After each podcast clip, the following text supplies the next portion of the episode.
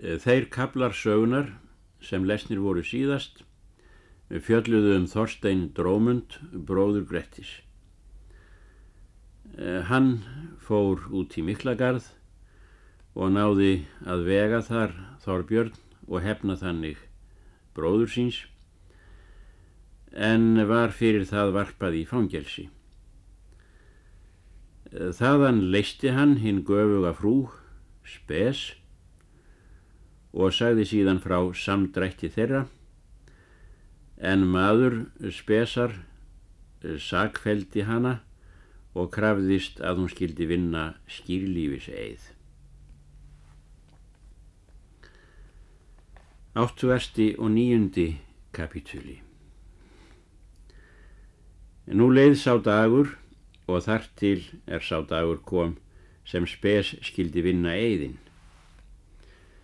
Þá býður hún til öllum sínum vinum og frændum og setti sig til með hennum bestum klæðum er hún átti. Margar dýrar konur gengum með henni. Þá voru á votviðri mikil. Vegurum var votur og ein veisa mikil yfir að fara áður en til kirkju kæmi. Og svo sem spes og skari hennar kemur fram að veisunni, var þar fyrir fjölmenni mikið og fjöldi fátækra manna er sér báðu ölmusu því að þetta var almenningsstræti. Allir þóttust þeir skildir vera að fagna henni sem kunnu og báðu henni góðs fyrir það er hún hafði þeim oft vel við hjálpað. Þar var einn stafkarl milli annara fátækramanna, mikill vexti og hafði sítt skegg. Kvendið namn staðar við fenið, það er konurnar, því að hoffólkinu þótti fenið óreint yfirferðar. Og svo sem þessi hinn mikli stafkarl sá húsfreyjuna, að hún var betur búin en aðrar konur, mælti hann svo til hennar. Góða húsfreyja, saði hann, haf til lítillæti að ég beri þig yfir fenn þetta, því að við erum skildir til, stafkarlar, að þjóna þér það sem við kunnum. Hvað myndu vel bera mig, saði hún, er þú getur eigi borið sjálfan þig? Þó væri þér lítillætis raun, segir hann, og má ég eigi bjóða betur en ég hef til og mun þér til alls betur takast að þú hafir eigi metnað við fátækan mann. Vit það fyrir víst, segir hún, berir þú mig eigi vel, þá verður það þér til húðuláts eða annarar svífyrðingar meiri. Fegin vil ég hætt á það, saði hann og færiðist á fætur og út á díkið.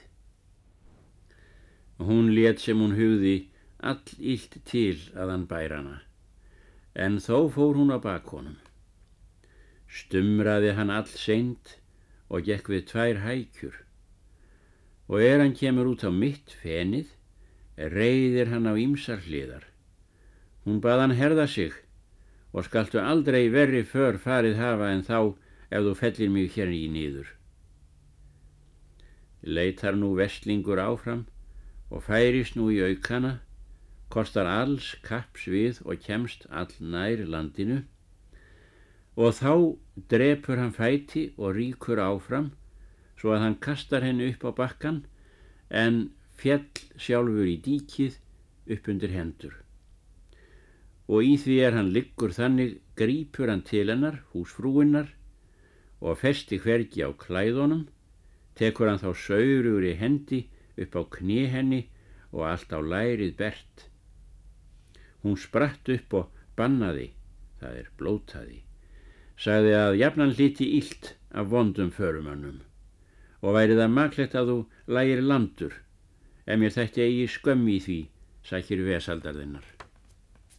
Hann mælti þá, Missæl er þjóðin. Ég þóttist gera vel við þig og hugði ég til ölmusu af þér, en uh, ég hef af þér heitingar og rakning, en ekki til gags. Og let sem honum kæmi í allt skap, það er sem honum þætti mjög fyrir.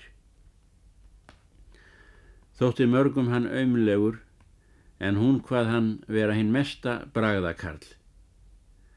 En er margir báðu fyrir hann, tekur hún til pungs síns og voru þar í margir gullpeningar. Hún hristi niður peningana og mælti. Haf það nú, Karl. Aldrei mun það gott að þú hafið eigi fullt fyrir það er ég hef hrakið þig, en það er nú viðskilist eftir því sem þú vanst til. Hann týndi upp gullið og þakkaði henni fyrir velgert. Gekk spers til kirkju og var þar fjölmenni mikið fyrir. Gekk Sigurður að með kappi og bað hann að færa sig undan áburði þeim sem hann hefði á hana borið. Hún svarar, ekki sinna ég þínum áburði, eða hvern mann kallast þú hafa séð í húsi hjá mér. Því að jafnan verður til einhver dugandi maður að vera hjá mér og kalla ég það bligðar löst. En fyrir það vil ég sverja að engum manni hef ég gull gefið og af engum manni hef ég sörgast líkamlega utan af bonda mínum og þeim vondum stafkarli er tók sinni saurugri hendi á lær mér er ég var borin yfir díkið í dag. Nú tóku margir undir að þetta væri fullur eigður og henni væri það eigimann líti þó að Karl hefði fýblað á henni vofiflega. Hún sagði að það mætti telja sem til væri. Eftir þetta sór hún svo fallin eið sem nú var greint, mæltu það margir að hún myndi það sanna sem mælt er að lítið skildi í eiði ósært. Hún hveðst að ætla að vitrum mönnum skildi svo lítast sem þetta væri eigi um grun gert.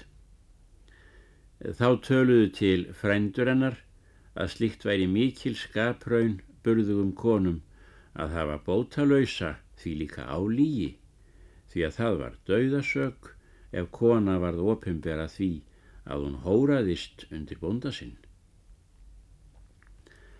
Spes beitti þá biskup að hann gerði skilnað þeirra sigurðar því að hún sagðist eigi vilja þóla álíi hans. Fluttu þetta frendur hennar. Var þá svo með atgangi þeirra og býtingum, það er fétgjöfum, að þau voru skilin og fekk Sigurður lítið af góssinu, var hann ger úr landi brott. Fór þar sem víða eru dæmi til að henni læri verða lúta gat hann og engu framkomið þó að hann hefði rétt að mæla. Spes tók nú við öllum peningum þeirra og þótti hinn mest í kvenskurungur. Þá er menn hugðu að eðstaf hennar, þótti mönnum sem grunur hefði í verið og ætluðu að vitrir menn myndu hafa diktað fyrir henni þessi atkvæði. Gátum en þá upp grafið að sá stafkarl sem hana hefði borið var Þorstein Drómundur. En þó fekk Sigurður enga rétting þessa máls og er hann úr sögunni. Nýtuasti kapitúli Þorstein Drómundur var með væringjum meðan mestur orðrómur lék á málum þessum. Verður hann svo frægur að þar þótti varla þvílíkur atgjörfismadur komið hafa sem hann. Fekk hann af Haraldi Sigurðarsinni hinn mesta heiður því að hann virti frendsemi við hann og hans ráðum hefur Þorstein framfarið að því er menn ætla. Eh, bráðulega eftir það er Sigurður var úr landi rekin og hóf Þorstein bónorð við spes. Tók hún því sæmilega en veik þó til frænda sinna. Voru þá stefnur að áttar og kom það ásamt með þeim að hún myndi sjálf mestu fyrir ráða og var þá kift með þeim og urðu þeirra samfarir góðar og hafðu auð fjár. Þótti Þorstein mikill gæfumadur hversu hann hafði úr ráðið sínum vandræðum. Voru þau ásamt tvo vetur þar í Miklagarði. Eftir það sagði Þorstein húsfreyju sinni að hann vildi vitja egna sinna aftur til Noregs. Hún sagði hann skildur á það. Seldi hann þá egnir þær er hann átti og höfðu þá of lausa fjár. Réðust þau þá utan úr löndum með góðu föruneyti og fóru alla leið uns þau kom í Noreg. Tóku frendur Þorsteins harla vel við þeim báðum og sá það brátt að hún var ör og stórlind, gerðist hún brátt harla vinsæl. Áttu þau börn saman og sátu nú að egnum sínum og undu vel sínur á því. Þá var Magnús konungur hinn góði yfir Noregi. Fór Þorstein skjótt á fund hans og var þar vel tekinn því að hann var mjög frægur orðin af því er hann hefði hemmt Grettis hins sterka. Vita menn varla dæmi til að nokkur sem manns af Íslandi hafi hemmt verið í Miklagarði, annars en Grettis Ásmundarssonar. Svo er sagt að Þorstein yrði hirðmaður Magnús konús. Satt Þorsteinum kyrt nýju vetur síðan hann kom aftur í Noreg og þóttu þau hinn mestu sæmdarmenn bæði.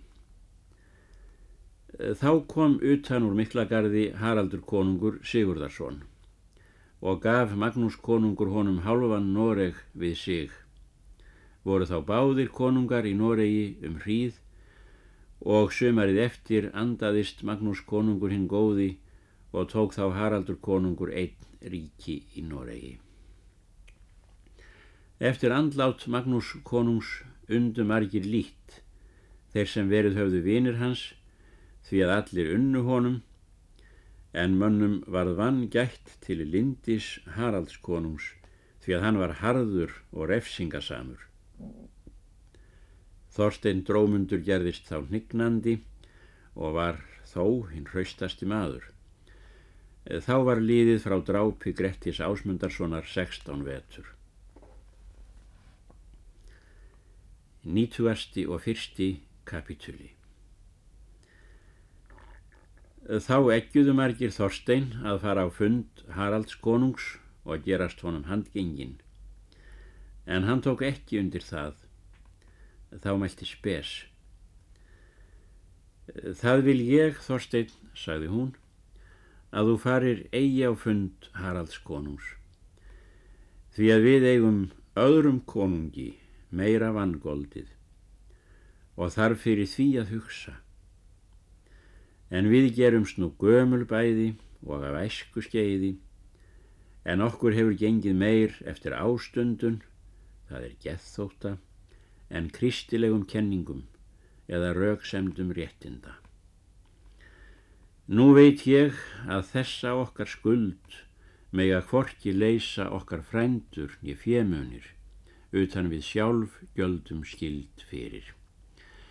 Nú vil ég breyta ráða okkar og fara úr landi og á páfagarð, því að ég trúi að svo má mitt mál leysast. Þorstein svarar, mér eru þessir hlutir jafn kunnugir sem þér er nú talar þú. Er það skilt að þú ráðir þessu, er svo gegnir vel, er þú lést mig ráða, er miklu var óvænlegra stemt og skal svo breyta í öllu sem þú segir fyrir. Þetta kom mjög á menn óvara. Nú var Þorstein tveim vetrum meir en hálf sjötugur og þó raustur til allra aðtapna sinna. Bauð hann nú til sín öllum frendum sínum og tengdamönnum og gerði bera fyrir þeim ráðastofnun sína. Tóku vitrir menn vel undir það og þótti þó hinn mest í skaði að brottför þeirra. Þorstein sagði ekki víst um afturkomu sína. Vil ég nú þakka yfir öllum, segir hann, hversu þér genguðu mitt gós meðan ég var úr landi næst, það er síðast. Nú vil ég bjóða yður og byggja að þér takið við fjö barna minna og þeim sjálfum og fæðið þau upp eftir því sem yðar en mandómur, því að ég er svo til aldurs komin að jöfn von er hvort ég kem aftur eða eigi þótt ég lífi. Skulu þér svo fyrir öllu sjá því sem ég á hér eftir sem ég mun eigi aftur vitja til Noregs. Þá svörðuðu menn að margt væri gott til ráða ef húsfreyja væri eftir til umsjár. Þá mælti hún. Því fór ég utan úr löndum og úr miklagarði með þorsteini og fyrirlétt ég bæði frændur og fjö að ég vildi að eitt gengi yfir okkur bæði. Nú hefur mér hér gott þótt en ekki slægir mér hér til langvista í Noregi eða hér í Norðurlöndum ef hann fer á brott. Hefur og jafnan þokki með okkur verið og ekki að áskilnaði orðið. Nú munum við bæði ásamt fara því að okkur er kunnugast um þá hluti marga er orðið hafa síðan við fundumst. Og er þau höfðu þennan veg gert um hægi sína, þá bað Þorstein valinn kunna menn stifta í sundur fjennu til helminga. Tóku frændur Þorsteins þann helming er börnin skildu eiga og fættust þau upp með föðurfrændum sínum og urðu síðan hinnir mestu þroskamenn og er mikil ætt frá þeim komin þar í víkinni. En Þorstein og þau spes skiptu í sundur sínum hlut fjárins og gáfu sumt til kirkna fyrir sálsinni en sumt höfðu þau með sér. Réðust þau nú til rómferðar og báðu margir vel fyrir þeim. nýtugasti og annar kapituli. Fóru þau nú allan veg þar til er þau komið til Rómaborgar. Svo sem þau komu fram fyrir þann er til þess var skipaður að heyra skriftamálmanna, þá sögðu þau sannlega allt hversu farið hafði og með hverjum klóksköpum þau hafðu sinn hjúskap bundið. Þau gáfi sig auðmjúklega undir því líkar skriftir sér til yfirbótar sem hann vildi á þau leggja. En fyrir þann skuld að þau hafðu sjálf orkastu hugar á að bæta sína meinbugi án allir í þraungvan og hatri af kirkjunarformönnum, þá var þeim létt um allar álögur, svo sem fremst mátti vera, en beðin með blíðu að þau skipuðu nú sem skinsamlegast fyrir sinni sál og lifðu hreinlega þaðan í frá að fenginni lausn allra sinna mála. Þóttu þau vel og viturlega farið hafa. Þá mælti spes. Nú þykir mér vel farið hafa og lyktast okkar mál. Höfum við nú eigi ógæfu saman átt eina. Kann vera að heimskir menn drægi sér til eftirdæma okkar hinn að fyrri æfi. Skulum við nú gera þá endalikt okkar lífs að góðum mönnum sé þar eftir líkjanda. Nú skulum við kaupa að þeim mönnum sem hægir er á steinsmíðar, að þeir geri sinn stein hvoru okkar og mættum við svo bæta það sem við höfum brotið við Guð. Nú let Þorstein lagða verða peninga til steinsmíðar báðum þeim og því líks annars sem þau þurftu og þau máttu eigi missa til viður lífis.